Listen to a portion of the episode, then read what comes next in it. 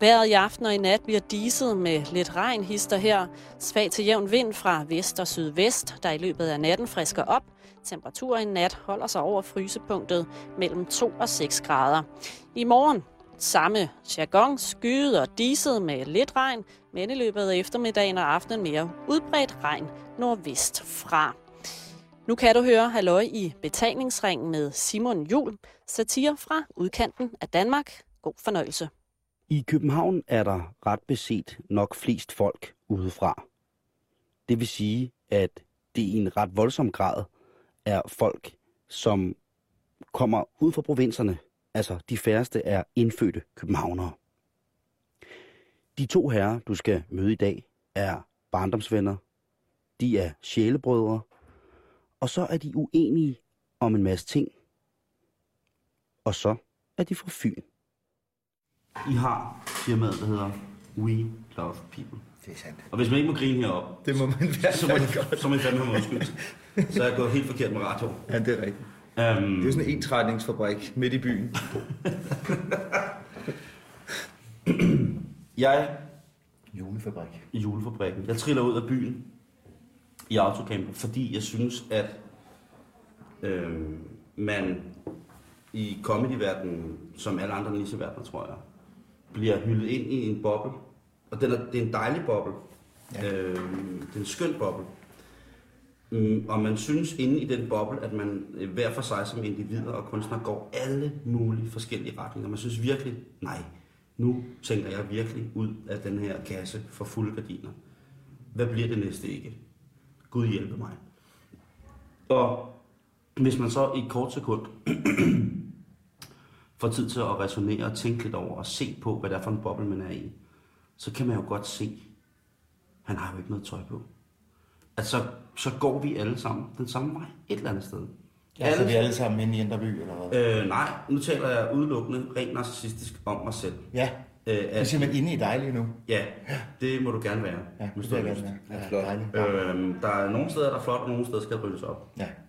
Øh, men Men jeg er i det gang. er oprydning, vi er gået i gang med nu, eller hvad? Nej, Nå, øh, nå. jo, jo, Er det det? det tror jeg faktisk, du Vi har skal have fundet nogle flyttekasser.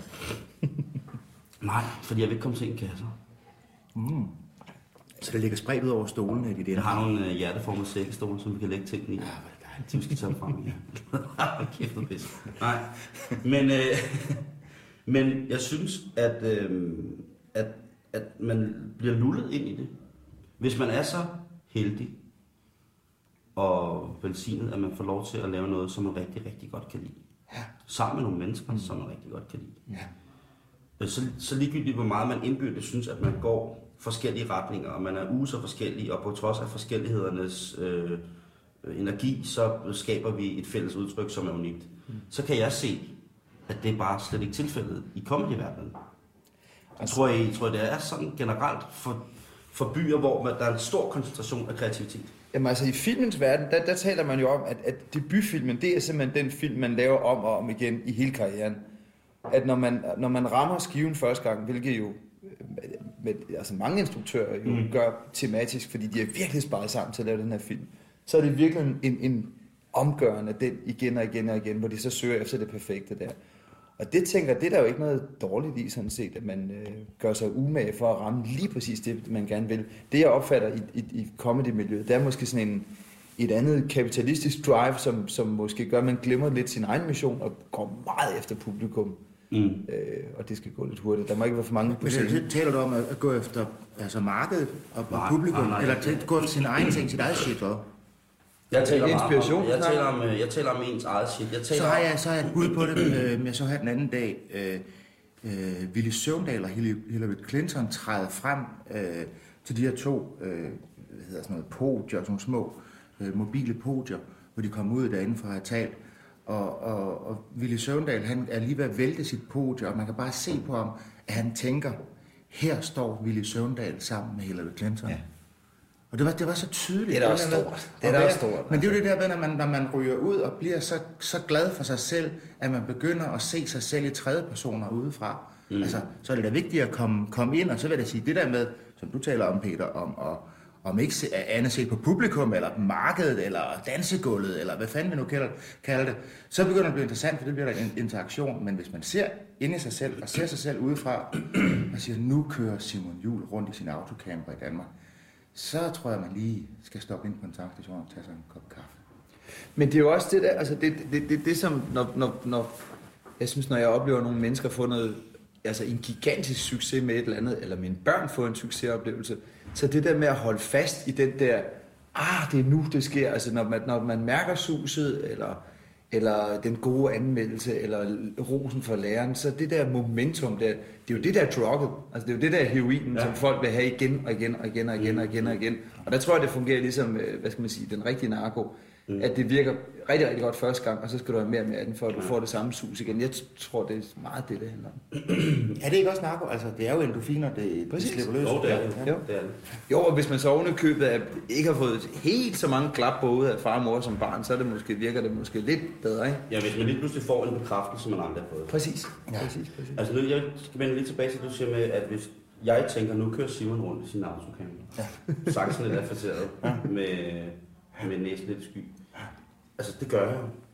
Men jeg, altså helt seriøst, så tænker jeg nogle gange ude i den autocamper, der bliver der så mørkt og stille, så der tænker jeg om mig selv i tredje person. Og det er nødvendigvis ikke kun på en omnipotent måde, men jeg tænker også, nu kører Simon rundt i sin autocamper, og hold da kæft, hvor han trængte til det. Ja. ja. Er Hvor, det hvor lang skægt, tid ude, hvor lang tid ude, altså, er det sådan, er du inde i vognen, eller er du 50 meter op, eller ser du der sådan et by i provinsen-agtigt køre hen over... helikopterskud Over over- helikopterskud, hvordan? Øh, Ej, det er en- en- ja, men øh, jeg ser mig nok selv som øh, sådan en halvtotal ja. øh, fra sædet ved siden af. ja, så vi er inde i bilen. Øh, inde i bilen, Ja. ja. men øh, vi ser på mine hænder på rattet, som slapper af. er det, der hedder en ud af kroppen oplevelse? Nej, overhovedet ikke. Tværtimod. Ind i kroppen Det er meget oplevelse. op i kroppen oplevelse. Ind i hovedet oplevelse. Ja, det er Ind i muren oplevelse. ud over hovedet, ind i kroppen oplevelse for mig. Mm. Øhm, netop fordi jeg får tid til at, når man er, det man vil se i det billede, vi taler om nu rent filmisk, det er, at man vil se, at jeg sidder og tænker over, Gud, hvor misser jeg ikke ud på nogle fester, eller på øh, nogle kreative forsamlinger, eller nogle gruppemøder i nogle øh, tænketanke, ved at være i Borgst. Altså, Tænker, tænker du også sådan, haha, nu er jeg fandme et sted, hvor de andre ikke er, ha, ha, ha, ha, nej, overhovedet ikke. Haha, borgst. Jeg tænker, ja, det er Sønderborg. Borgst. Kommer dødspikken. Ah, Horsens. Uh, Jeg tænker, hvor har jeg dog lyst til at tage mange mennesker herop? Er det frihed? Ja, jamen det er det jo. Det er simpelthen frihed. Det er klassisk stikke af for det hele. Forstår du ikke, du prøver at stikke af for dig selv. Find den i brogst. Jo, men det er vel også sådan en, en, en art first mover effekt, tænker jeg. nu har man ligesom set et eller andet super sjældent orkester. Det er jo en form for kuratering, du også laver her. Ja. Ja, jo, jo, men altså det, men det, øh, nej, det er det ikke, og det er ikke nogen quest, og det er ikke noget, nu ved jeg godt, at min kanalchef Mads Brygger har mange, der mange gange prøvet at tale om det. Det er jo en tur. Ja, det er ligesom at være på tur. tur Ja, ikke? øh, og nu har jeg, og så skulle man gerne på et eller andet tidspunkt ligesom finde ud af, at ved at lytte til mine programmer lidt en gang imellem, øhm, altså, I kommer jo selv fra provinsen, Mm. men sidder nu her på New Yorker-loftet. Øhm, Men det er I, ved, sjovt, I ved godt, hvad provinsen kan, når man kommer tilbage til den. Ja, for fanden. Jamen, der er jo ikke så meget af det, så, så, så man, man, man er jo ekstra glad for det, der er. Altså, da, da Fra- Frans, Genbo Frans nede på Salmons Spring fik en, øh, en kæmpe stor videomaskine, og der var kun, kan du huske, der var kun et grønt billedrør, der virkede hans tv. Ja. Og der så vi jo både Blade Runner og John Holmes, senatorens datter, på grønt billedrør. Og det var, det var, det var en stor medieoplevelse. I voksede op sammen. Ja, det er det. er. Og der er, der er stadigvæk, jeg kan, uanset om vi nu har boet i Københavnstrup øh, over halvdelen af vores liv, så når man kommer over broen og fra Sjælland, så sker der altså et eller andet. Nu er man hjemme, og jo tættere man kommer ned på 56-83 Hårby eller ned mod afkørsel den vej, så er man mere og mere hjemme. Selvom man rent faktisk ikke har ret meget at gøre der med, og det er mange år siden, man har haft noget med at gøre, så er det det, der hedder ens hjemstavn. Men det har vi tit talt, talt om, at, at når vi kommer over broen, lige når vi har det der super fede øh, sving, der er efter Nyborg der, så skuldrene gør sådan noget, og så er vi hjemme. Mm. Det har vi tit talt om. Men der er faktisk en, en ting, jeg tit tænker på, når, når når jeg kender godt det der, man sidder en onsdag aften eller en torsdag aften og har bare virkelig lyst til at komme ud og, og opleve en dejlig lille fest med nogle gode venner. Mm. Og så, øh, og så ringer du med et eller andet, eller jeg ringer med et eller andet en tirsdag eller onsdag aften. Så kan jeg nemlig huske dengang, da vi boede der som teenager, der var, nogle, altså, der var jo næsten ingen fester. Og det vil sige, sådan en, en aften i jordløs, den kunne virkelig falde på et tørt sted. Hvis jeg, jeg havde en aftale med... Jordløse? Ja, ja, Jeg, hvis jeg jeg, havde, født og opvokset i Jordløse, 5 km fra der Peter boede. Så man skulle også cykle op ad en meget, meget lang bakke, der hed Langdilsbakken. Ja, Langdel. Ja. Og Farlig, farlig bakke. Farlig bakke efter sådan fem pokaløl. Så det, der, det er det der med at, at kæmpe sig til tingene, det tror jeg, så kommer der, noget, kommer der noget ekstra, noget godt ud. Også hvis man skulle ud og finde en klump hash, det kunne tage en måned. Men vi havde masser af tid. Men det sjove med hassen er, hvis den så først, man først har fundet den, ikke? Men så var det altid robrød. så finder den altid en senere hen. Jamen, der var sådan på et tidspunkt, da vi begyndte at komme i sådan lidt større byer som Forborg, der var der sådan, af en eller anden årsag, der fik vi sådan et, et Freddy Krueger, ham der barnemorderen fra Nightmare on Elm Street, der, der var sådan en Freddy Krueger-tema over stort set alt, hvad vi gjorde. Ja.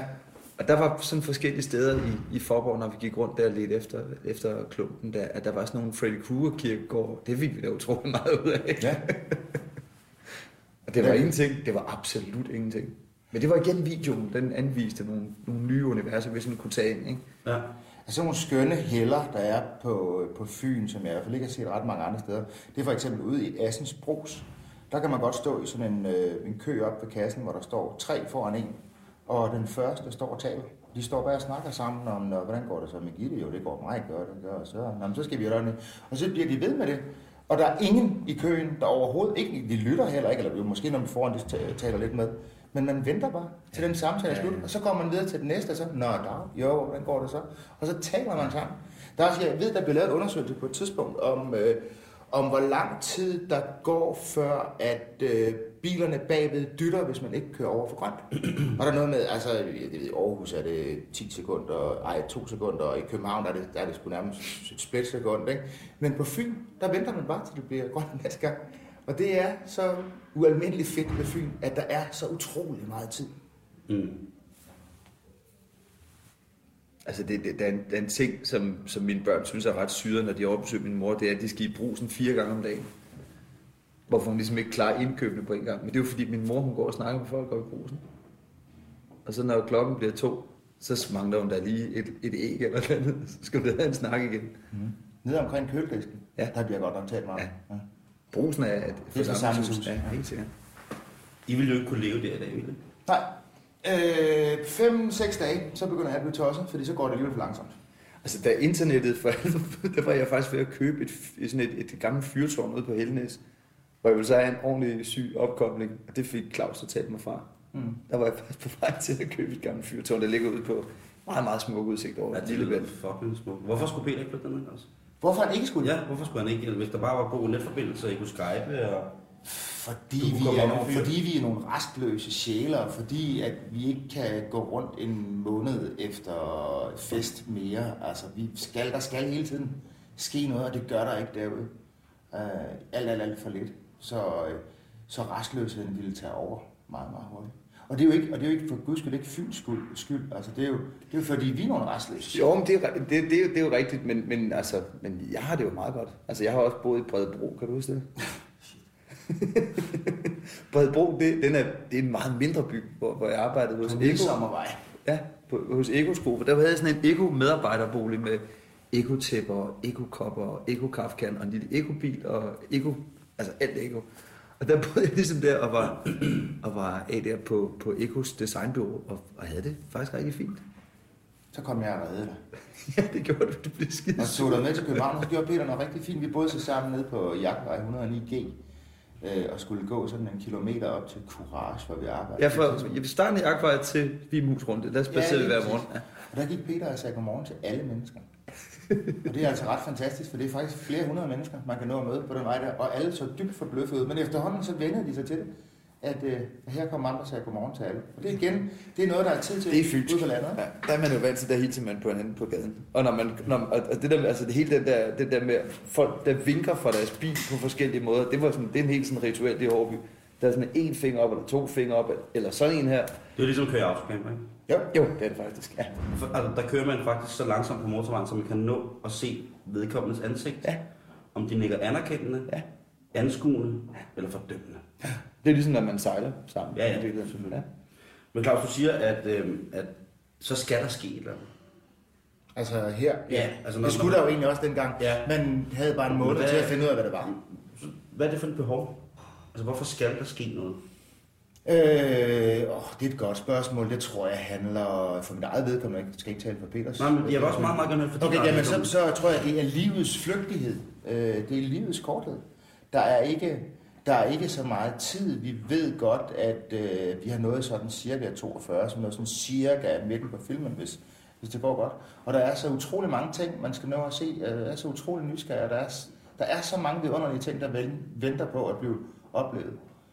Og, Men øh, får man det ved at gå til fest i København? ej, det er jo ikke fest som, i, som at gå i byen. Det jeg går faktisk ikke særlig meget til fest i København.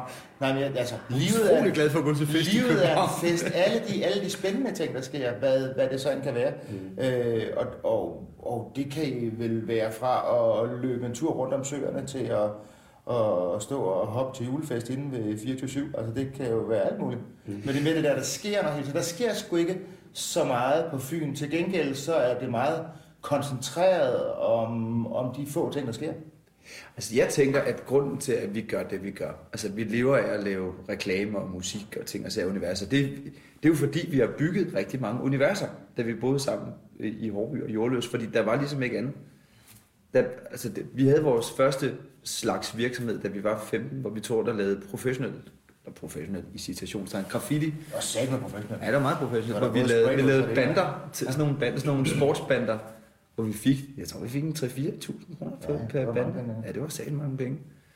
Og så når der var et eller andet bureau i København, der havde udskrevet en hiphop konkurrence, så deltog vi der og vandt os lidt. Og, altså, jeg synes, et- det der med at bygge et univers, det- har, det har sådan set ikke noget med en by at gøre. Jeg- Og jeg synes også, det er faktisk det, man oplever de år her, at mange af de bedste tosser, de har faktisk ikke noget med urbanen. Altså med, med, Nå, men det er også inter- interessant, at Claus siger, at der er så mange ting, man skal nå, og der er så mange smukke ting, der skal opleves, og der er så mange, Så mange ting at se på. og så mange ting at se på.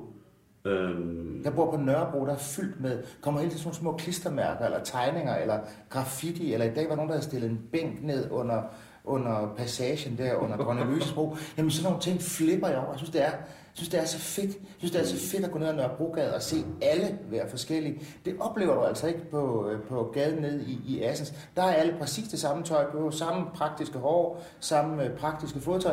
Og det er ikke, fordi de ikke er nogen søde mennesker, men det er ikke så spændende at se på, for mig i hvert fald. mm-mm. Men altså, jeg Men er det ikke også en restløshed? Helt vildt. Er Mega det ikke- rastløs. Altså, jeg synes, jeg, er det ikke pisse til nogle gange? Er det ikke mega belastende? Jo, men, men så skal man jo veje for og imod, altså, fordi der er jo til gengæld også åbnet helt vildt mange fantastiske døre. Ens restløshed og ens nysgerrighed, og man lige skulle se, hvad der var på den anden side af hjørnet, og man lige skulle prøve at løfte den her, eller hoppe ind i den her hæk og se, hvad der var der, eller stikke hovedet under vandet og se, hvad der var der. Så ja, restløsheden gør, at man ikke sidder i send og hommer, men omvendt, så oplever man helt vildt mange sjove ting og spændende ting. Men jo, der er en restløshed. Helt vildt. Bla, bla, bla. Nå ja, men altså, det, det, er jo også, det kan jo godt bunde, bunde i en angst. Helt sikkert. Dødsangst. 100%. Mm. Klart. Jeg er ikke, jeg er ikke medlem af nogen religion eller sådan Nej, noget. det er fandme fucking Nej, så jeg ved, Jeg er- godt, jeg ved godt, at Peter han, han tror på det evige liv, ikke? så han skal leve for evigt. Han har masser af tid. så kan man vi godt andre, Fredebro, når der er men, ro men på. vi andre, der har det så forholdsvis kort, jamen selvfølgelig, det er totalt drevet dødsangst. Selvfølgelig er det det. Hvad er det for en religiøs?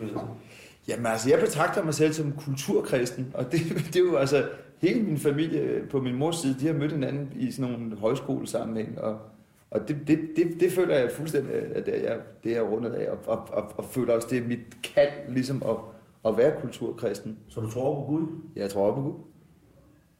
Skønt. Hvad? Er du kristen? Jeg er ikke medlem af foreningen. Jeg er ikke på nogen som helst måde kristen.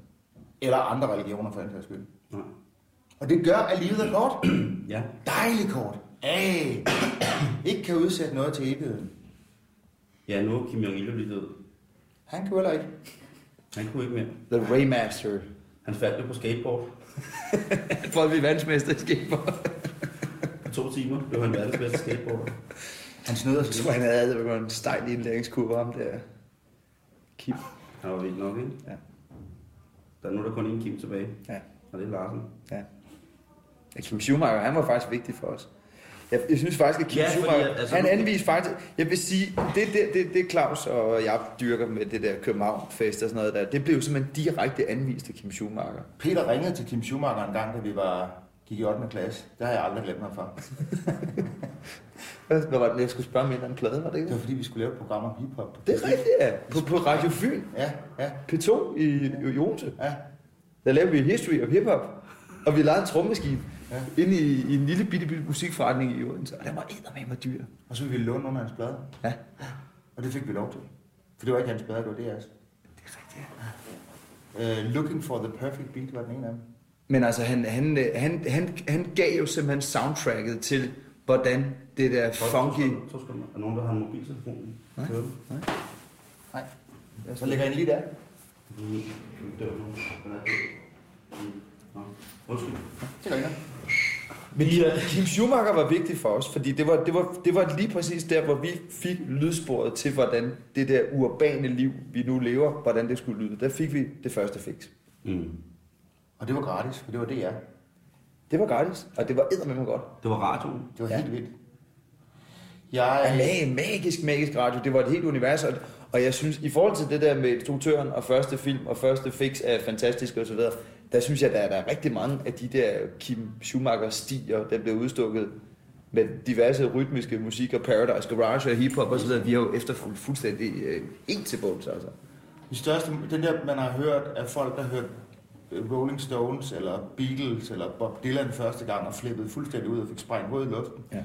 Øh, det skete den 15. oktober 1983 kl. 15.33, mener jeg, hvor Kim Schumacher han spillede Chop Chill Out Hip Hop on Ja, Wax. ja. Hvor vi sprang i luften, og vi, ringede til hinanden Ja. midt under det her 6-7 minutter lange mix, og, og bare skreg, fordi det var så vildt. Ja, og Jeg ved du hvad, og ved du hvad, jeg havde jo simpelthen min første seksuelle oplevelse nogensinde en mandag eftermiddag hjemme hos Susan Ja. fra øh, Susan Larsen. 104. Ja, og 410. 410? Ja, magasin 410 datter til Kim Schumacher. Ja, som en, en mandag eftermiddag klokken 3. Så han er simpelthen, altså, Han var vigtig. Det er en af de få, hvor Paul Køller og ham, det tror jeg det er, hvor, hvor den klumpen i halsen blev for stor. hvor var Paul Køller? Er det samme. Øh, et dog ikke sex, så de børn er... Nå, jeg, jeg, jeg, jeg, jeg troede, Måske. det kunne være, jeg, Der skete et eller andet. Det kan godt jeg tror det. jeg, jeg ved ikke om, at det kunne være, at det var din første seksuelle oplevelse, der var... Til Paul Køller Ja. i puderummet nede på, i Håbe Børnehave. Nej, jeg tror sgu ikke. Det er da ikke usandsynligt. Nå, men hørte man radio der, tror jeg ikke. Og vi havde, sådan, vi havde, vi havde plader, altså vi havde album. Det kunne være, at Paul var der. I øvrigt var det vel ikke radio, det var tv. Ja, Jamen, vi havde gramofonplader i børnehaven. havde vi det? Ja, fordi ham der... Hej, Andrea og sådan noget. Ja, ja. det var også Paul Køller. Det er jo vores, det er jo vores kulturelle baggrund. Det er jo vores, altså, hvor, hvor du har kristendommen, så har jeg Kai og Andrea. Ja, ej, jeg kombinerede det så. Kai og Andrea og Gud. Gud og Andrea. Nå, men det er jo sjovt med Kai og Det lyder som en virkelig dårlig Jonas. Ja, men, men ja, det, ja, det gør det faktisk. Gud Andrea. Men jeg synes faktisk, at, at Kai Andrea er interessant i forhold til et univers, for det er godt nok et tight ass univers, og det er meget, meget, meget, meget, meget småt. Det er ligesom en, en Mm. papegøje og en frø, og så en, en meget fjollet mand, og så en mindre fjollet mand. Sandt. Det var faktisk heller ikke helt, helt sandt, for i virkeligheden så var det jo, det var jo tysk tv. Ja, du var meget glad for tysk. Du meget. som, jeg måtte ikke se så meget fjernsyn som dig. Jeg så meget tysk tv. Jeg talte, om ikke flydende tysk, så i hvert fald tysk som 10 år.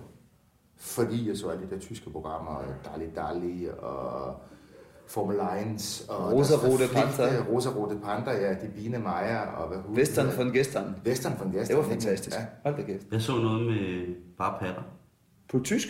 Tutti Frutti. ja, nej, det var, var det på tysk? Ja, det er Var italiensk. det er ikke det ikke? italiensk? Der kørte i hvert fald noget på RTL Plus. Ja. Ja, jamen, jamen, det er rigtigt. Det er det Så det, italienske det var. ARD og ZDF Det var, det var statskanalerne. NDR. Det var, vi, vi var så gamle, der var ikke satellit-tv, da vi var små. Satellitten var ikke opfundet. Det var videoen heller ikke. Ja, den kom sådan Det var jeg heller Frans. Nej, du var heller ikke. Du var heller ikke. Du kom som en gave lidt senere, sammen med satellit-tv. I kunne vælge. Du blev sendt med satellit. Du bestemte sig lidt. Hvad, så blev det øh, reklamer for jer begge to. Og så på et eller andet tidspunkt skiltes I jo. Øhm, jeres veje. Ja, ja. Flere gange Altså faktisk. rent firmamæssigt, altså, Ja, ja, altså ja. professionelt arbejdsmæssigt. Men hvorfor blev det lige præcis til reklamer øh, for begge to? Det må du svare på, Peter. Jamen altså, jeg havde den øh, fornøjelse, at min far, han, han, han, han var erhvervskonsulent på Råby Skole, og jeg blev loaded med sådan nogle forskellige tidsskrifter, for jeg var ganske lille. Og det ene, det var levende billeder, som var et kulturtidsskrift, der blev lavet i pisseranden af Dan Tyrell og Ulrik Brøgning, og de der, de der skrivende helte, der, der ligesom beskrev pulsen i København. Og så var der en, øh, et andet tidsskrift, der hed Orientering, som var Danske Reklamebureaus brancheforening. Det har jeg simpelthen læst det blad, siden jeg gik i 8. klasse. Hvor jeg læste om Vibro og Jan, vores, vores gamle kolleger. Og Jan tænkte, Lugård og Peter Vibro. ja, præcis. Ja. Og tænkte, at det, det, de havde gang i med den måde, de lavede grafisk kultur og, og, og, og lavede de her, de her medieting og sådan noget, det, det var simpelthen det, var det jeg ville. Altså, og det vidste jeg rigtig, rigtig, rigtig, rigtig tidligt. Sådan overraskende tidligt. Så det er din skyld, Claus laver reklamer i dag? Ja, det er det faktisk, fordi jeg gik jo ud, jeg, jeg, jeg stoppede i gymnasiet i midt i første G for at gå i lære som tegner. Og der begyndte jeg så at tjene en 4-5.000 kroner om måneden. Og det kunne Claus godt se, det var... Jeg gik ud af 3. G og var totalt skoletræt, og de der, jeg tror faktisk, det var 6.500, du fik om måneden. det, er det endte nok på? Og det var altså meget mere end ungdomsstøtten eller SU'en eller fanden det. Så jeg, kan, jeg har helt sikkert valgt reklamebranchen for penge skyld. 100 på Og så vil jeg, altså, og, og, det er rigtigt, det er så den, jeg korte, det er den korte historie, men, men, men, men, men det vi gjorde, altså inden vi gik i gang med at lave reklamer, eller inden jeg startede på reklame, Claus der lavede vi jo nogle ting, som, altså for eksempel, vi, vi, vi havde sådan en, en hæftig skole kørende med, at vi skulle lære at tegne. Vi skulle fandme, altså, vi tegnede rimelig godt begge to, men så gav vi jo en anden opgave. Til næste uge, så skal du lave en fuldstændig perfekt akvarel af en hane. Så, hvad jeg sagde, så sad vi så og tegnede en hane, og så høvlede vi ellers hinanden igennem, så sagde jeg, det ligner, hvad er, Det er ikke en hane. hvad er det for en skygge, du har lavet? Den ja. ligner der ingenting. Og hvor- hvor er dimensionerne, hvor er rumhedsfornemmelsen? Og hvor virkelig, virkelig, virkelig hårde ved hinanden. Ja. Og live drawings og, og, og, og, og t- simpelthen tvang hinanden til at gøre noget unikt. Bare for hinanden. Sådan en lille skole, bare ham og jeg. Men vi gør det jo stadigvæk. Nu du taler om, at det skal doseres. Ja. At I hver har nogle ting, som hvor jeg tænker, ej, altså, i sådan en ægteskabelig forstand, det har vi lært at leve med, men i gang med bliver man nødt til at holde lidt tøjlerne. Vi er aldrig blevet færdige med at opdrage. Nej, det, det, altså, jeg synes, det er rigtig fedt. Altså, Det er det, super. det, det, er rigtig, rigtig fedt. Det gør mig ikke keder sig. Apropos vores tidligere snak. Vi har stået ryg mod ryg øh, sammen altid, ikke? Sidste 39 år. Og, og for at kunne holde det ud, for at det ikke bliver kedeligt, så er det vigtigt, at man ikke er enige, og det er vi ikke, og vi har aldrig været det. Nej, og vi, og vi, vi, vi, vi, vi altså du kan sige, det hvor vi for alvor blev enige om, det var det der med, at, at, at da vi oplevede døden for, altså med det der frontale lokomotiv af død, der ramte os, da vi var 19 år, da min far døde først, og så en måned efter blev Claus' første kasse kørt ned for øjnene af Claus. Som var en virkelig, virkelig, virkelig hæftig oplevelse, hvor, hvor, hvor vi så jo simpelthen krøb sammen. Jeg tog fri fra mit arbejde, du Mm. tog fri fra din skole, og så havde vi sådan en, en uge, hvor vi simpelthen bare sad, øh, vi sad og drak whisky, og sad og talte om døden og livet. Og.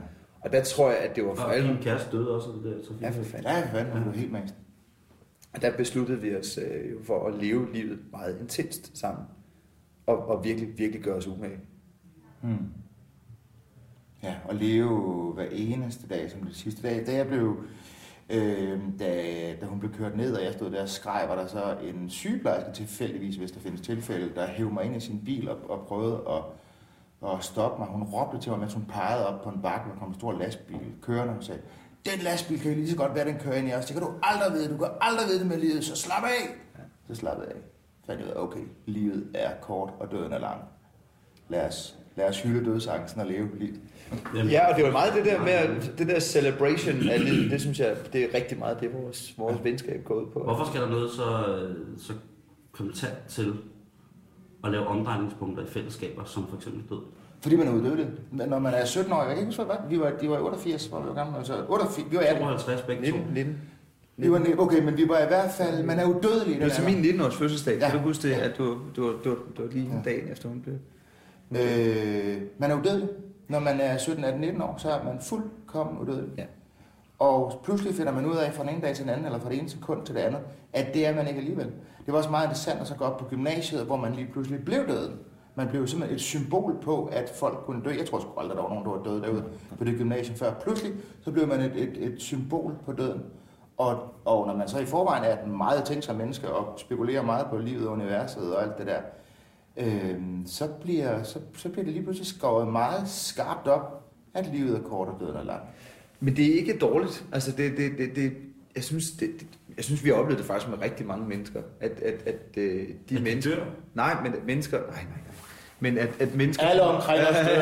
Alle. Nej, men at folk, der, der har haft en, en, sådan en virkelig hæftig oplevelse, tidligt i livet, at de har en øh, tendens til at være, faktisk være mere tilfreds med deres liv. Og, og, det, øh, og det selvfølgelig er det jo, hvorfor du spørger, hvorfor skal det være nødvendigt? Men det vil, altså dels fordi, at man, når man er Det er jo, ung, så, så jo kan man, man er slet ikke, det er noget, der er uundgåeligt. Men jeg, sige. ja, ja, Mm. men jeg, jeg synes faktisk ikke, det er så skidt endda. Altså. Du skal jo også videre. Ja. Så du er jo heldig nok jo. Det er jo bare en station. Det er bare Brogst. Og så kører du til Aarhus Ja, jeg har den lange køreplan. Men I jo også, det lyder også lidt som om, I, I er udødelige kræfter hinanden på en eller anden måde stadigvæk. Så hvad hvis Claus døde? Uh, Det har vi da talt tit om. det taler vi alt. Ja, ja. Det gør jeg jo nok. Ja, ja. Ja, og du skal ikke videre. Men nu spørger jeg Peter, fordi Peter skal videre. Øh, så, så hvis... Nå, vil Er det bare... fedt nok at være præsten her? Ja, det skal jeg jo. Nej. Og det skal I så ikke. Nej, men... men Vi det, har faktisk skrevet en sang om det. har I det? Ja. Skal vi synge den? Har du lyst til, at vi synger? Jeg vil meget, meget gerne have, at I synger. Okay. Okay. Det her, det er, det her, det er, det her, der er vi en 22-23 år. Der boede vi sammen i Odense, Ja. inden jeg flyttede til Sønderjylland, du flyttede til København. Og der havde øh, Claus' lillebror, han havde skrevet en sang, han gerne ville øh, sende ind til Dansk Melodi Grand Prix. Og der var der så en aften, hvor vi så skrev den her sang, som vi faktisk Skrev, enige jeg skrev teksten, han har skrevet melodien, Ja, og så ja. skrev vi teksten, ja. Og der blev vi faktisk enige om, at det er sangen. Det er vores sang, ja. Ja. Det, er, det, er, mange år, ah, lang tid, jeg kan ikke huske, hvad det er lang tid jeg har sunget. Skal vi prøve? Vi ved godt, den er. En bane går, et ur, der slår, et tog, der snart skal køre, et trist for når skal vi må ses, du ikke når at høre, for nu rejser du din vej. Med denne gang helt uden mig, farvel min ven, vi ses til næste år. Vi mødtes vist, da vi blev født, og siden var vi venner. Vi drømte, at vi rejste bort til steder, ingen kender, og nu rejser du din vej. Og denne gang helt uden mig, farvel min gen, vi mødes, ses til næste år. For det vi har bygget op er venskab for livet. Da, da, da. En fælles hemmelighed, kun vi kender til. Ligesom solen på din vej. Den skinner både på dig og mig, hvorhen, hvor veje hen vil gå. Så farvel da min ven. Toget kører, toget kører, folk går hjem. Jeg vil stående her, for det lysner i mit sind. For på denne her perron i livet mødes vi to venner nok igen, igen. For det vi har bygget op er venskab for livet.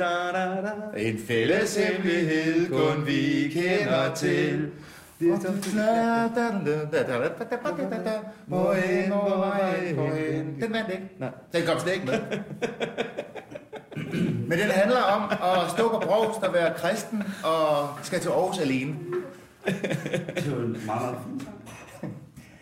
Det er det. Ja, det er det jo. Det er det Den er i hvert fald nu var, nu var den jo lidt øh, løs citeret, for det er Ja, rigtig, ja, rigtig, men- rigtig lang tid siden, Ja, men, den. øh, men den sidder fast. Jeg synes fandme også, den tager ret godt fast i forhold til, hvor lang tid siden den kom. Jo, men den aften, vi skrev den, det kan jeg da stadig tydeligt. Ja, Ja, ja. ja. Der var vi da fuldstændig op og køre, og den ramte lige Ja. ja. præcis det, vi havde forsøgt at sætte ord på. Ikke? Jeg tror da også, at altså, sådan rent melodimæssigt, som man hører den. Nu er Det er simpelthen skrevet den. Nå, okay, men altså, den, at der kan man da tydeligt... Jeg ser da Melodi Grand Prix hit for nogle år tilbage. Ja. Men det var den gang, hvor det kun var Og jeg det ser, øh, sammen. Det var kun Tommy Sebak, der var der. Og jeg ser i dag, øh, at sådan en sang som det her ville løfte niveauet enormt. Altså Ja. faktisk fra ingenting. Men der skal Ja. heller ikke så meget, så man kan jo... Man Kunne kan, vi være de nye brødre der Olsen? Det kunne vi måske godt være.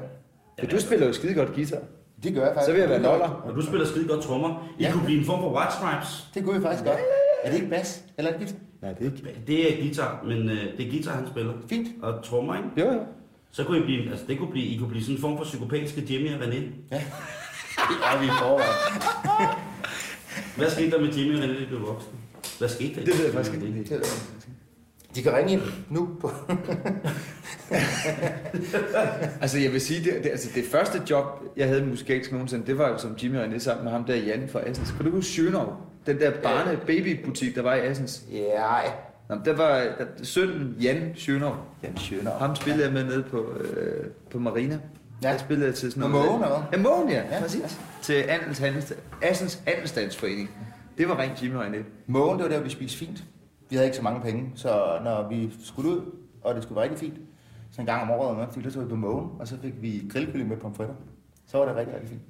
Det er også sygt. Jamen altså, det, Det, må, det, ja, det må man aldrig rekassere. Nej, nej, nej, nej. En god ildkylling med pommes frites. Og agurksalat. Masser af agurksalat. Og ikke noget rigtig salat. Jamen, så er det jo, Ja. så er det jo elegant. Ja.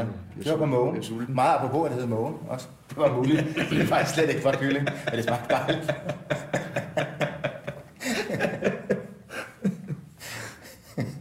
Kylling. Nu er jeg bange for døden. Og, og Mågen. Hvad skal man huske på, når man er en ny radiostation? Nu, nu tager jeg det helt, altså I er jo, øh, eller en ny virksomhed, men nu til jeg en ny radiostation. I, I, har, I har indsigt i mange ting, så jeg spørger, hvad skal man huske på, når man er en ny radiostation, som Radio 24 er? Vi tror, det- er sikret 8 års sendelse. Det vigtigste er at nyde det. For det skal fandme nok blive hverdag på et tidspunkt. Og efterhånden som tallene snæver ind, og klagerne begynder at komme, og man ikke længere kan tage det med højt, højt humør, så er det vigtigt, at man nyder det her i starten. Det gør de jo allerede. Så det er vigtigt. Og, det er, og når man nyder ting, så kan man også lettere komme i julestemning, faktisk. Mm. Det er noget med at hvile, hvile tingene. Altså, jeg, jeg, jeg synes, en af de mange ting, der er blevet skrevet om 24-7, det er, at folk er begyndt at snakke mere om radio, på grund af, at der er kommet noget nyt. Og det, det, det er jo rigtig, rigtig, rigtig, rigtig fedt, at folk gider at snakke om radio. Men tror du ikke også, det er bare en nyhedsværdi? Jo Ja, fordi jeg tænker faktisk, at, at lige præcis det der med, at man har sådan noget snakke-snakke-radio, og, og, og, og altså, hvor man også tillader ret mange fejl, det er jo meget lidt perfekt i forhold til den form for sådan noget, offent, eller sådan noget public radio, vi har kørende med P1, hvor folk jo virkelig, virkelig taler pænt. Der synes jeg, at der er et utal af øge og snakkefejl, som, som, som, som hvis jeg var en anelse mere konservativ, ville sige, det er godt nok noget slenderian. Men, men det der med, at man har en statsmedie, som tillader den der løse omgang med, med ord, det synes jeg virkelig er en nyhed. Det synes jeg faktisk er en, en ret radikal nyhed, og det er ikke bare en nyhed, det er noget, der kommer til at præge vores samfund. At, at man behøver ikke gøre sig så umage mere, fordi der er tusind millioner medier. Der var kun ganske få medier for 30 år siden, derfor folk gjorde sig sindssygt umage, fordi de vidste, at han skulle sidde i kassen første gang, og der var ligesom kun den her ene chance. Og det er jo det, man oplever nu med alle de her mange, mange, mange, mange, mange tilbud, der kommer. Det bliver løsere og løsere. Man kan bare, bum, så kan man bare lave en anden radio, eller bum, en anden tv-ting, eller et eller andet. Og derfor tænker jeg, at de skal gøre sig umage. Fordi det er også en sovepude. Jeg kørte i taxa her den anden dag. Det gør jeg tit. Det gør man i reklamebranchen. Det er taxaernes, taxaernes holdeplads. Der var en taxichauffør. Han hørte øh, 24-7. Øh, sådan skruet ikke højt op og heller ikke lavt. Sådan lige midt imellem, så man faktisk ikke rigtig kunne høre det, men om koncentrere sig. Og det spurgte jeg så, om, øh, om, øh, om han lyttede til det. Så sagde han, nej, det gjorde han faktisk ikke, men det var så rart, at der var nogen, der var sammen med en. Når man sad og kørte mange timer alene, så den der med hyggelige snakkende stemmer i baggrunden, det gør faktisk, at, at man sidder og har det rart. Og det kan faktisk være, at, det, at det, der, er der er jo et vær, eller der er, er det ikke en tredjedel af danskerne, der betragter sig selv som, som ensom, eller det er et helt, helt sindssygt stort tal. Øh, det kan faktisk være, at Radio 24 er et værn mod ensomhed, fordi man med al den her småsluderen og Ja. småpuderen og lidt småfnisen og hvad fanden vi nu laver, øh, kommer til at være venner for dem, der sidder derude og er ensomme. Men du har ret i, altså samtalen har jo fået en, en, en, et nyt sted at være. Mm. Hvor, hvor, hvor jeg tænker sådan noget som, hvad hedder det der, mass og monopolet, det har jo domineret i mange, mange år, netop ved at der var en samtale med noget, folk gad op, eller var i tvivl om. Han er jo død med Steffensen. What? Han har hængt sig selv. Nej, det er bare en vittighed. Videre. Det er så faktisk ikke humor. det er sgu ikke sjovt. Det er ikke humor. Det var, det var en form for Tourette's. Det skal du arbejde med. Øh, hvad? Det, det var var sidste. Tourette, det Det er rigtigt. Tourette's. Det er Ja. rigtigt, det er Tourette i sin reneste, fineste Det form. er stand-up Tourette's. Sig noget ondt om nogen, og gør nogen ked af det. Ja. Jeg var sammen med ham i går. Nå, det er godt. Okay. Han lever i bedste velgående. Godt, godt. I Øh, kom helt ud af den. ja, fuldstændig. Det var da ikke nogen god nyhed. Nå, Vi sad lige og snakkede om ensomhed. og så kommer du til at tale om den største ensomhed af alle. Men i hvert fald... Jeg Det er tror, ikke, jeg, jeg tror ikke, det er så vigtigt, hvad det er, vi siger. Det vigtigste er, at taxichauffør kan høre, at vi hygger os. Så hygger han sig også. Ja. Det er ikke hvad vi siger. Jesus Christ. Var det, var det så kedeligt, det vi sagde? Nej. Han var nødt til at smide en. Det var ikke øh, overhovedet kedeligt. Jeg, jeg, Jeg tror, han kom op i en krog. ja, Han kom op i stand-up-krogen. ja. Det er jo sjovt, fordi jeg har nemlig altid lavet stand-up. jo. Ja. Det har jeg faktisk aldrig. Du Men du har da aldrig lavet stand-up. Nej. Nej, det har vi heller aldrig. Øh, det der, som Claus siger med, at der er nogen at være sammen med, når man laver taleradio. Jeg synes også måske, der kan være en fare for, at det bliver en københavner-samtale, som måske lukker nogen ude. Ja, Ja, det er jo præcis det, du forsøger ikke med din, med din campingvogn. Jo, men er det er det for desperat, at jeg så kører væk og laver diametralt modsætning? Nej, det er da opsøgende journalistik. Altså, Ja. det, hvis man vil dække hele landet, så må man jo komme ud på landet. Det er jo ikke så svært. Der er der masser af fantastiske mennesker derude. Og Altså, vi har en københavner vært, som snakker med amerikansk accent. Med amerikansk. Ja, det gør han altså. ja, det er morgenrettet. Nej, det er hende, der har en øh, program, som hedder, øh, jeg tror først, det er ikke Løbus. Okay. Ja. Og der, der er folk, der bliver pisse sure over det. Ja. Og de kommer til mig nogle gange og siger, prøv at høre. Ikke? Tal ordentligt dansk. Og hvor jeg siger, prøv at høre. Vi bliver nødt til at lytte programmet. Tror jeg, slet, tror jeg, Danmark er klar til at, at, at have det her, sådan, hvor man skal ned i tempo, og man skal snakke. Eller man skal nødvendigvis ikke ned i tempo, men man, skal, man bliver ikke afbrudt øh, af, af jeres reklamer, af mine reklamer, af, af musik. Øh, man bliver faktisk nødt til at koncentrere sig, hvis man vil have noget ud af at lytte på det. Ja. Jamen, det, altså, jeg synes, den radio, vi oplevede i gamle dage på Radio, radio Odense og, og så videre der, det var jo for talk radio, måske ja. Før det blev moderne. Der kunne de jo sidde og tale i dagvis. Og så spillede de et eller andet danstop med mange gange, men der var der fuldstændig ro på. Jeg tror, at man skal tænke radio. Det er et spørgsmål, om København er klar til det, fordi det der med at have rolig samtale... Storbyerne tænker jeg også på. Ja. Altså Odense Aalborg. Øhm, hvis man hører Københavner Radio i, dag, så altså, er der forskellige radiostationer, som er kommersielle radiostationer, som spiller utrolig meget det samme musik øh, i meget, meget højt tempo. Mange reklamer, og med værter, som også taler utrolig, utrolig hurtigt. Øh, og på, trøj, og på, på grund af nogle ting, som er, er fastsat af store firmaer, der ejer det, så skal man kun snakke så så meget i forhold til reklametiden. Mm. Og så, lige så kommer der en radiostation, hvor man kun snakker og nærmest ikke spiller musik, og der er slet ingen reklamer. Jeg tror, at radio, altså Radio 24 er ved at overtage, eller i hvert fald gå ind på tv'ets præmisser. TV i, det, i dag er det, som radio var i gamle dage, da vi var børn. Det var sådan et lydtapet, det lå bagved, og så var der noget hyggelig musik og live views, hvad fanden det er. Og øh, den, har, den, har over, den rolle har tv'et overtaget. Det er sådan noget, der kører over i baggrunden, så er der et eller andet morgenradio tv, hvor folk sidder bla bla bla bla bla og snakker om et eller andet. Øh, og det er faktisk det domæne, hvor 24 går ind over og tager det her bla bla bla medie, et, et venligt lydtapet, der kører i baggrunden. Og det kan der faktisk godt være brug for, fordi alle de andre kommercielle radioer, der bliver der er hele ideen at tiltvinge sig øh, tiltvinge sig øh, attention, sådan at man kan få fyret de her, hvad hedder det, radioreklamer af, sådan at folk kan huske, at de har hørt dem, sådan at radiostationen kan få nogle penge. I det hele taget tror jeg, at, øh, øh eller øh, er min tese, at det der, øh, det gamle ord reklamo, reklame, som kommer af det latinske ord reklamo, som betyder råbe højt gentagende gange, at det er, at det er ved at dø, øh, dø øh, fordi folk vil simpelthen ikke finde sig i at blive råbt gentagende gange til mere. Og det tror jeg, det bliver rigtig, rigtig hurtigt, altså i løbet af de næste et par år, tre år, så er det væk. Folk vil have noget, der er relevant. Og så kan man så stille sig selv et spørgsmål, hvad er 24-7's relevante rolle i, i, øh, i samfundet? Det er at lave et behageligt baggrundslydtapet, hvor man føler, at man er tæt med, øh, med vennerne. Og tilbage til spørgsmålet igen. Skulle det så være andre end, end københavner og, og, og, og eks-fynborger, jo, der sidder og taler? Ja, det skulle det nok. Altså, der skulle nok nogle flere, nogle flere accenter øh, ind på. Og så er det for så vidt ligegyldigt, hvad du taler om. Altså måske Ej, det er jeg godt nok ikke Bare lave noget ac- accent. Nej, det, det tror jeg også, Mads Brygger og Michael Bertelsen blev ked af, hvis du sagde, at det var et behageligt lydtapet. Det er jo det, er jo, det, er jo, det, er jo det, det, altså det, jeg synes, der er interessant ved, ved 24-7, det er, at der er nogle meget markante formater.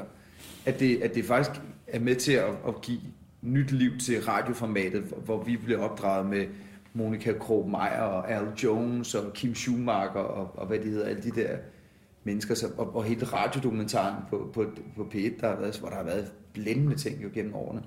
At det er det der med, at nu får man et magasin. Øh, Du har dit magasin, Morten Vammen har sit magasin, og, og, og netop man får sådan nogle universer af en times vejhed, hvor man, hvor, hvor man jo med, med stemmen, og, og det er jo det, der er fedt ved radio, rigtig meget kan lade sig gøre. Mm. Øh, Når du, så, når du siger magasin, tænker du så, øh, tænker du så børsen, eller hvad hedder det, øh, Berlingske Tidens nyhedsmagasin, eller tænker du et øh, ugeblad? Hvad for et slags magasin taler vi? Jeg, jeg tænker et, et format, altså et magasin, hvad, hvad det vil definere af, at du har du har et antal sider, et antal minutter, hvor du så har en eller anden redaktionel linje, som ligesom en diskurs, som ligesom lukker ned i, i et eller andet, jeg vil kalde et, et univers. Men når man læser, nu læser jeg ikke særlig mange magasiner, som du ved, jeg læser Nej, nej, men et, et radiomagasin. Nå ja, men, men er, det ikke, er det ikke det samme? Er det, øh, at, at magasin ikke er noget, man bruger til at slappe af? Jo, men for eksempel at skrive og fotografere og tegne et magasin, det er jo rigtig bøvlet, det tager rigtig, rigtig lang tid. Mm, mm. Der kan man jo i, i radiosammenhæng, der kan jeg jo, hvis jeg var redaktør på, på et program, så kunne jeg indkalde de fire mennesker, som jeg ligesom siger, det her det er et format, og så kunne jeg optage det et eller andet sted, hvor der var en ambiance, og så give sådan en tone i det. Men, i- men i forhold til, om, om øh, Max Brygger og Michael Bertelsen skulle være kede af det, så kan man sige, at hvis de vil, de er jo meget skarpe mennesker, de kunne godt levere det budskab, daglige budskab, de ønskede at levere på en halv time til tre kvarter. Men det skal jo spredes ud over Nå, men det er det der med at vente på, altså der er der flere af de formater, eller magasiner, radiomagasiner, der er på 24 som jeg venter på kommer, og så glæder jeg mig til på det tidspunkt, bum bum klokken, et eller andet, så skal jeg høre det i en time. Det er med mange år siden, jeg har haft Åh, det. hvad? Ja. Flow Radio. Jeg er glad for, at der begynder at komme podcast. Ja, jamen det er, det er også fint, men nu var der lige et par måneder, hvor der ikke var podcast. Ja, ja. Det synes jeg var sjovt at, at vente og glæde sig til at skulle høre det radioprogram. Det er fandme meget. Ej, det er med mig også nørdet. Det har du da den eneste, der har gjort i hele verden. Nej. Ja, er det rigtigt? Har du også? Ja, og jeg tror altså også, er at øh, generationen, det, det er sjovt, at generationen under mig, øh, Kan du følge mig, Simon? ja, øh, øh, men jeg er også enig om, at øh, den analoge radio på FM-båndet skal være utrolig klar på, at den bliver afledet lige om lidt utrolig hurtigt. Fordi radiolivet er podcasts. Alle de største programmer, de radioprogrammer, der bliver hentet mest som podcast, er taleradioprogrammer Ja, ja. på over en halv time. Ja. Øhm, men det er også skræmmende, også, når man nogle gange, hvis man siger til generationen ældre end jer, som vores forældres generation siger, at radioen dør, som vi kender den. Min mor besvimer jo nærmest, og hun skal holde fast i noget, ikke? Men det er tv, der er blevet radio. hun, tror, hun tror jo, det er Rettes, ikke? Der slår ind igen, at når jeg siger, radioen dør, ikke? Jamen, det er tv, der er blevet radio. Ja, det er det. Det Men, er det. men for generation, som er, er 10 år yngre end os, Mm. der er det deres mobiltelefoner, deres bærbare, der er deres radio og deres digitale identitet. Ja. Den er mobil, og det vigtige er at anerkende, at den digitale identitet, med alt hvad den indeholder af billede og lyd og alle mulige andre formater, informativ, informatik, drama, det er jo ikke alt- det der, det, det er det, hvad du sender igennem apparaterne, det er det der identitet. Lige, lige, lige præcis. Ja, ja, men, men det er jo også, hvad de modtager. Ja, ja, men det er jo derfor, derfor radio er identitetsskabende. Ja, og, og, og det du siger med podcasten der, det er, at hvis podcasten, hvem han nu end er, Carsten, så hvis han ikke virker... Nej, men... Hvem sagde på om? ja, ja, podcasten, vi kender ham. Jo, vi har fat, vi har fat, vi har fat. Ja. Nej, nogen men hvis den ikke virker, og den ikke kan tages med lynhurtigt, så er der bare ikke noget rart. Nej. Øhm, og det tror jeg måske, der er nogen, øh, inklusive mig selv, som har lavet radio på mange, på den almindelige gammeldags måde i mange år, og tænker, at jamen, jeg kan ikke lade være med at, at min dødsangst for, for, for det, jeg laver, om det om man dør, om, om den dør, eller om den. Men jeg tror, at ved at tale om tingene igen, gensidig forståelse, omsorg, kærlighed, varme og lys, at man ved at tale om det, og nu gør vi det så i radioen, kan komme videre med, med lige præcis det her ting. Jo, men, men, men hvis, så skulle man jo forestille sig, at tv, at Flow TV, der havde man et, en time, hvor du havde et, et rundt bord, og så inviterede du folk til te, og så sad man og snakkede sammen i en time. Der er ingen, der vil holde ud. Det er jo ingen, der kan holde ud, men når det er radio, kan folk til synligheden godt holde det ud. Mm. Og det synes jeg er en interessant form. Men man jeg- også, man interessant. også sige noget, når, når, når jeg har lyttet 24 det har jeg, det har jeg sgu lyttet meget til, så er problemet lidt i forhold til tv, at man kommer ind midt i en samtale, og man ryger ud af en samtale. Men mindre man tænder, når det starter. Men mindre man som dig sætter sig ned med din lille kop te og sidder i to stive timer og lytter, men det er der ikke ret mange mennesker. Jo, måske nogle ensomme mennesker uden arme og ben, der gør, og dig. Men, men, men andre mennesker har altså ikke så meget tid. Så det, det er lidt pudsigt, at man kommer ind midt i en samtale. Man ved ikke helt, hvad den handler om. Man når sådan lige at finde ud af, hvad den er, og så er det gået en halv time, og så er man ude igen. Så det, det, bliver sådan, det er sådan lidt som at, at, at, Okay, at jeg gå må over, købe- jeg gå køber til over, korset. gå over og Det- lytte ja, til. Over, ja, på- du går ind på en, en café Ja, eller et eller andet sted, ja. og så lytter du lidt med, hvad nogen sidder og snakker om med bordet ved siden af, og så går du igen. Nu, det, det er det, det, det, det, program, der hedder Flaskens Ånd. Det har jeg faktisk dyrket rimelig trofast. Og så er det ikke te, du sidder og drikker. Og så går jeg og laver mad. Nå. Sådan lørdag, en lørdag for halvanden flaske rødvin. Nej, ikke så meget. Men så går jeg og laver mad, og så lytter til det. Det synes jeg er To timer. kæmpe chill. Altså, Det er god mad. Det kan jeg virkelig godt lide. Og, og der synes jeg netop, at der også er at, at, at tale om et format, hvor man kan mærke, at hvad han, Pilgaard, Paul Pilgaard Jonsen, han gør sig virkelig umage for at få det hen et sted, hvor det både er soulful og lidt syret og underholdning og, og alle mulige skønne ting. Det, det synes jeg er et rigtig godt program. Og det er simpelthen... Oh, Nu er der kun 5 minutter til, det kommer til den. Det er hyggeligt. Jamen, jeg har det om aftenen. det er jo selvfølgelig svært at sige sin egen kollega, uden at- at det bliver lidt narcissistisk, sådan rent brandmæssigt. Men jeg har det... Øh, der kom en, en pige hen til mig. Øh, utrolig grim pige. Hen til mig i, øh, i brusen i øh, Sindal. I Jylland. Og så siger hun til mig... Øh, nu så jeg lige, at din autocamper den holdt udenfor. Og jeg har lyttet til et program. Jeg vil bare sige, at... Øh, når jeg lytter til dit program, så ligger jeg på sofaen. Fortsæt. Kom. Jeg har tændt et par stearinlys. Hvad nu? Ikke noget. Ikke noget, Mr. Tourette. Så ligger jeg en lille smule ensom med mine stringlys. Nej, nej. Og så siger hun... Nå! Og så siger hun, så er det ligesom at falde i søvn til, da man var lille, og de voksne, de snakker. Nå, Ja. det er fint. Ja, ja, ja. Nå, Det er det samme med Tyson Børn. Jeg håber ikke, han falder i søvn, men det er fuldstændig rigtigt. Ja, og derfor så blev jeg faktisk glad for, hvad Claus sagde. Det er nærhed. At man får, man, det er nemlig nærhed. Tryghederne. Så, så kombinationen Ja, det er rigtigt. du siger, det vil jeg tage med som julegave til mine kollegaer. Ja. Og jeg tror faktisk godt, at, at man kunne lave to timers, hvor man ikke behøvede at sige noget, for man bare blev... Det ville være rart nok. Der behøvede ikke nødvendigvis blive sanger. Alene det bare, man kan høre noget larme. og der er billeder af et eller andet. Ja, det er det. Præcis. Sådan er det jo. Ja, altså der, der synes jeg, at, at, at det der samtaleprogram, det minder rigtig meget om jazz og improviseret musik. Hvad for What? Kom, forklar. Jamen det mener jeg, fordi det er... Det er ligesom den grimme pige fra Sindal. Nej, det, det, er jo, Jo, det er nej, det er jo noget med at improvisere. Altså, det, der står jo ikke, vi har jo ikke et nodeblad foran os, hvor der står, hvad vi skal sige nu her, og hvor vi kobler ting. Det er jo noget med at have, virkelig have ørerne åbne, Ja, og, det- og som er, er ja. enormt musikalt. Altså, og, og, netop det der med, har vi en klang sammen, og hvornår rammer vi et eller andet. Det er en god improvisation. Det er mega jazzagtigt. Det er godt. Ja. Det er godt, og Ja. det gør, og det, det er jo netop det, det der lange, det, det er 60 minutter, to gange 60 minutter, man taler sammen.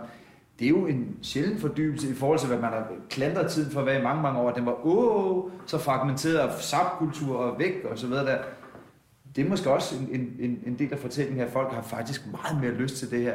Eller de har måske mere lyst til det nu, end de havde for 10 år siden. Og, og så har der været nogle, nogle kommersielle medier, som bare bombarderer os med meget, meget korte formater, så der er plads til vores skønne reklamefilm. Men vi må håbe i hvert fald, at om 8 år eller 7 år, eller hvornår det nu er, i hvor lang tid det må eksistere, at der ikke stadigvæk bliver talt om kun 24-7 og døden på radioen, for så er det ikke så godt. Nej. Men det skal nydes nu, og, og der skal eksperimenteres, der skal tales om, der skal findes... Noget, I er de første, jeg har talt med radiostationen om. Fordi jeg, jeg ville have nogle mennesker, som havde en forståelse for alt mange af de ting, som jeg ikke rigtig forstår med, hvad fungerer, og hvad brandet, og så, så videre, så videre. og der har jeg en større indsigt. Og det, altså i de første, og det er en juleudsendelse, mm. så, så det, jeg tænker, at det skulle også lidt være en gave til, Ja. til, til radiostationen selv. Ja. Det kan godt være, at det er meget indadvendt. Jamen, det er gør meget meta. Det er meta, det er fint. noget. Det er meta, meta, meta. Der, I øvrigt så er der også en ting, I, I, jeg har bemærket, at I siger meget. Det siger, det her program har jo ingen lyttere. Det her program er der jo kun 10 eller 20 eller 50, der sidder og lytter. I skal passe på, at det ikke og bliver et selvopfyldende profeti. Altså, der er ikke nogen, der har lyst til at være med i en radio. Ja, det, er, der det får sådan en snært og sådan noget Det offer, Ja, ja, lige og det er der virkelig ikke nogen grund til. Det Hvorfor ikke sige, det er prøv at der høre, der sidder fandme 500.000 mennesker og lytter nu og er helt vildt glade og siger, det er den fedeste Ja. julegave, vi nogensinde har hørt andre har fået. Og det er netop den der selvopfyldte vitalitet, den er helt afgørende. Mm. Det er nemlig ret i, fordi det bliver et dumt hul. Det bliver Ja. ja. Paul og Nulle julekalender for ja, lige det. præcis. Helt præcis. Som jo var En fiasko. ren magi. Nå, fiasko. skulle magi. fiasko, men, men, men magi for de sære børn. ja, præcis. Ja, vi må have lavet nogle flere sære børn. Hvor skal du have jul, Claus? Jeg skal holde jul hjemme med mig selv sammen med min nærmeste familie. Så det er jul på Nørrebro. Det er simpelthen jul på Nørrebro. Peter Stenbæk. Hjemme hos mig selv i Skovshoved, der kommer min mor og mine svigerforældre og svoger Benjamin. Og så skal vi til onkel Per juledag, og så skal vi til onkel Thomas anden juledag. Hvad med dig? Jeg skal lave suppekøkken på Halvtorvet for dem, som ikke har så meget. Jul på. Vesterbro. Nå, hvor fint. Nå, hvor fint. Nu er det jul. Hvad for en slags suppe serverer man? Er det sådan en anden suppe? Nej, nu vil jeg gerne have, at øh, de råvareproducenter, som jeg har kontaktet og spore, og spørge, om de har lyst til at hjælpe med med at give noget øh, vender tilbage. Så jeg ved ikke, hvad det bliver, men det kunne godt være en brug kartoffelsuppe med lidt øh, sprød skinke henover og et godt stykke brød. Ellers så kan man jo altid gå med containerne før bag ved Føtex, og så bare læse op af mad, der først bliver fordærvet om en dag. Ikke? Kunne man også gøre. Ja. Så du skal ikke til Roskilde? Men det gør jeg bare til hverdag. Skal du ikke Ja. hilse dine, dine forældre? Nej? Er de døde? What? Nej. Stop op. Glædelig jul. Glædelig jul. Peter Stenbæk og Claus Skytte, som du lige har været i selskab med, er ejere af We Love People, som blandt andet er et reklamebureau, et pladeselskab, et galleri og et selvstændigt kreativt uddannelsesprogram, hvor blandt andet Uffe Ellerbæk er en af grundstenene.